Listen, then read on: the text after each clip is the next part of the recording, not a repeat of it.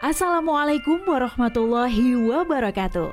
Kawan, sebelum Anda memulai aktivitas hari, kita ikuti kajian syarat hikmah Dialog Fajar.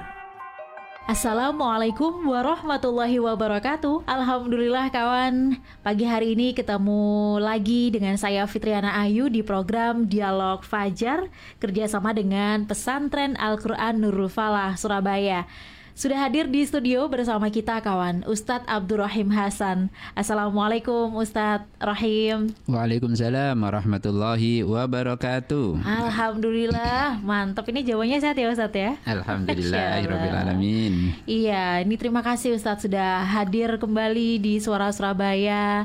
Ini selalu Ustadz Rahim mengajarkan kebaikan ini. Insya Allah. Hmm, iya, iya. iya Ustadz, ngomongin kebaikan juga. Pagi hari ini kawan, kita akan berdiskusi Apakah kawan-kawan pagi hari ini sudah melakukan kebaikan?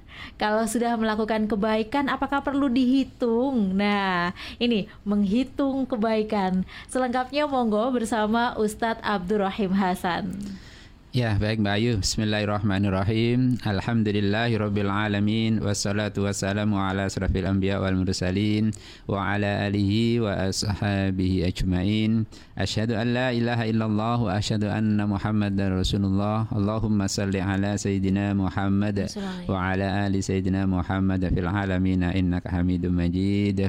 Alhamdulillah Mbak Ayu Mari kita selalu bersyukur Kehadirat Allah subhanahu wa ta'ala Yang telah memberikan rahmat taufik, hidayah dan kesehatan kepada kita semuanya. Sehingga pada pagi hari ini kita berdua ya bisa hadir hmm. di eh, SS ini dalam keadaan sehat walafiat. Dan kita selalu berdoa semoga Allah selalu memberikan kesehatan Amin. kepada kita dan menumbuhkan semangat ya untuk beraktif beraktivitas dan melakukan kebaikan nah, kebaikan setiap hari, hari. Ya Mbak Ayu pada pagi hari ini kita mencoba untuk berdialog uh, tentang uh, sebuah tema yaitu hmm. menghitung kebaikan.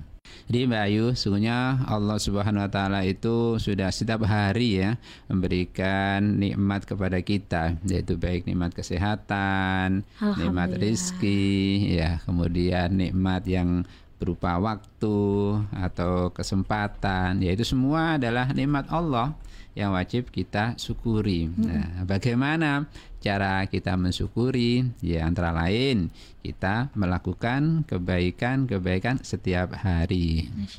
Jadi eh, sahabat Rasulullah yang bernama Umar bin Khattab hmm. itu beliau memberikan nasihat kepada kita. Jadi hasibu anfusakum qabla an tuhasabu. Jadi hitung-hitunglah ya amal diri kalian sebelum kalian dihitung atau hmm. ditimbang amal kalian pada hari yaumul hisab nanti yaitu hari perhitungan. Hmm. Nah, itu adalah eh, nasihat Umar bin Khattab kepada kita. Sekarang pertanyaannya Mbak Ayu, hmm. kenapa sih kita kok disuruh untuk menghitung-hitung kebaikan, kebaikan itu? Hmm. Ya. Ya, tiada lain tujuannya adalah kalau ya kita sudah melakukan banyak kebaikan hmm. ya, maka perlu kita pertahankan kebaikan hmm. itu hmm. ya apalagi kita tingkatkan kita tingkatkan kuantitasnya kita hmm. hmm, hmm. persering atau kualitas dari kebaikan itu juga perlu kita tingkatkan itu yang pertama yang kedua tujuannya adalah kalau ada perbuatan atau perkataan kita yang kurang baik hmm. nah, maka segera kita hisap, segera kita evaluasi, oh. segera kita tinggalkan ya yeah. dan jangan sampai diulang eh, hal-hal yang kurang. Hmm. Nah, itu yang ketiga ya berharap setiap hari kita selalu berbuat atau berkata yang baik dan positif dalam kehidupan kita sehari-hari. Nah, itu Mbak eh, tujuan kita hmm. menghitung kebaikan setiap hari itu. Bayu Imam Ghazali hmm. dalam kitabnya Ihya Ulumuddin uh, beliau mengingatkan agar kita setiap hari meluangkan waktu, Mbak, meluangkan waktu untuk menghitung amalan-amalan hmm. hmm. perbuatan kita itu. Baik berupa ucapan maupun hmm. berupa kegiatan yang kita lakukan hmm. sehari-hari. Ya, bisa dibayangkan mungkin seperti ini, Mbak.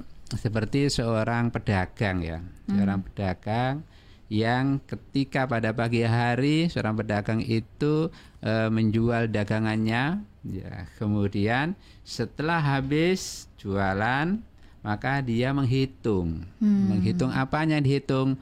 Modalnya dan berapa keuntungannya ya. apakah hari ini modalnya sudah kembali, kembali kemudian ada keuntungan atau ada kerugian. Hmm. Nah, seperti itu kalau seorang uh, pedagang. pedagang. Hmm. Maka sekarang uh, bagaimana kita itu?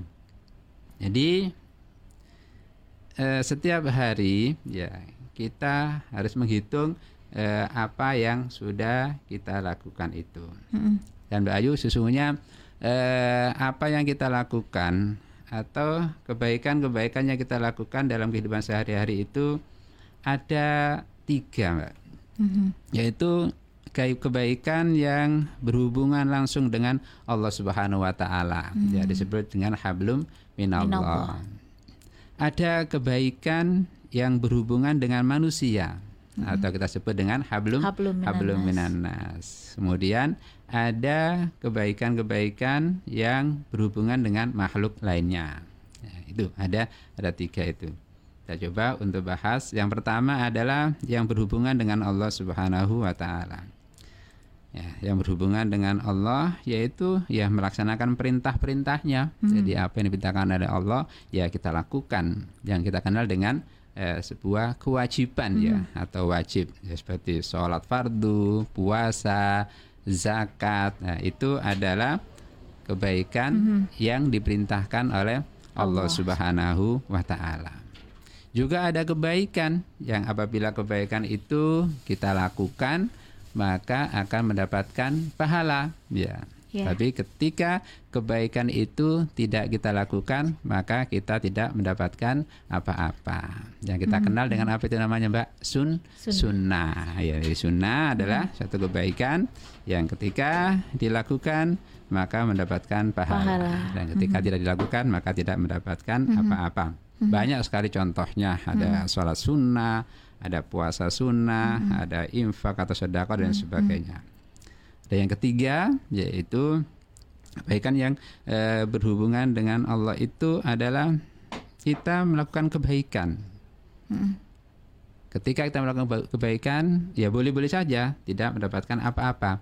Kita kita tinggalkan juga tidak mendapatkan apa-apa. Yang hmm. dikenal dengan mu mubah kan gitu kan ya seperti kita olahraga kita berlibur refreshing ya itu kan mubah itu kegiatan mubah kalau nggak olahraga nggak apa-apa kan begitu kan kalau nggak berlibur juga nggak apa-apa kan gitu nah itu itu nama mubah itu kegiatan yang uh, boleh dilakukan dan boleh tidak nah itu uh, adalah kebaikan-kebaikan mm-hmm. yang uh, berhubungan dengan Allah Subhanahu wa taala. Namun menurut uh, Imam Ghazali eh, beliau menyampaikan bahwa sesungguhnya kebaikan-kebaikan yang harus kita lakukan itu yang pertama kali adalah hal-hal yang wajib yang dikenal dengan ibadah wajib tadi itu. Ya, seperti tadi saya sampaikan yaitu sholat. Ya, sholat hmm. ada suatu kewajiban. Ya, kewajiban itulah yang sesungguhnya lebih banyak kita hitung pada hmm. malam hari ini atau pada hari ini eh, kira-kira bagaimana sholat kita ini apakah sholat kita ini eh, sudah kita lakukan dengan baik ya. kalau sudah kita lakukan dengan baik maka bersyukurlah kita pada Allah ya. hmm. dan selalu berdoa. Semoga kita bisa melakukan secara istiqomah kan gitu kan. Hmm. nah, itu itu eh, kewajiban yang kita lakukan caranya sholat. Kemudian mungkin kita juga mengevaluasi atau kita melakukan eh, perhitungan. Apakah sholat kita ini sering kita lakukan eh, ditunda-tunda ya atau tidak kalau ternyata kok sering kita lakukan ditunda-tunda mm maka ya kita berusaha bagaimana berusahanya yaitu berusaha untuk melakukan tepat tepat waktu, waktu kan gitu kan yeah. ya sholatu ala ala waktiha sholatlah pada waktunya waktu. kan begitu mm-hmm. atau kita coba evaluasi lagi kita hitung lagi apakah kita ini eh, sholatnya jarang-jarang atau bolong-bolong mungkin begitu. Ya, kalau seperti itu, ya maka diri kita harus kita paksa, kita paksa untuk melakukan sholat secara baik kan gitu. Hmm. Jadi itu e, menurut Imam Ghazali itu kebaikan-kebaikan yang kita lakukan yang berkaitan dengan kewajiban kita.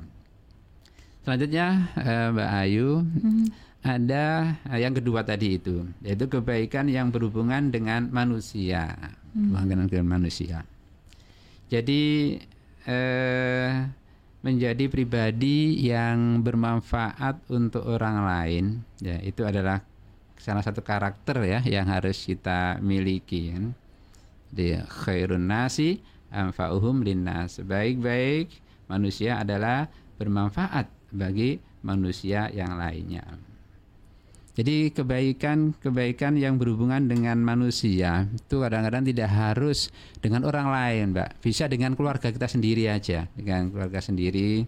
Ketika ibu-ibu ya yang di rumah setiap pagi menyiapkan sarapan untuk putra-putrinya, untuk suaminya, itu adalah kebaikan, Mbak kebaikan yang dicatat oleh Allah Subhanahu wa taala. Jadi jangan menggerutu ya ibu-ibu ya di rumah ya ketika masak pagi-pagi yeah. yang lain masih tidur, mari yeah. subuh tidur lagi kita suruh masak kan itulah itu. Maka jangan itu niati ini adalah sebagai ibadah yang dengan kita menyiapkan sarapan putra putri kita, sarapan untuk suami kita itu adalah sebuah kebaikan-kebaikan yang dicatat oleh Allah Subhanahu wa taala hmm. yang dengan itu mudah-mudahan memberatkan timbangan nanti amin, di akhirat. Amin, amin. Itulah Istri begitu pula, sesungguhnya kebalikannya. Kalau yeah. suami uh, setelah sholat subuh mungkin, kemudian uh. setelah sedikit ngaji, kemudian kok ke dapur ikut bantu-bantu, yeah. istrinya juga nggak apa-apa kan gitu. Yeah, nah, yeah, itu juga akan mendapatkan pahala yang sama, kan hmm. gitu. Itu melakukan kebaikan-kebaikan.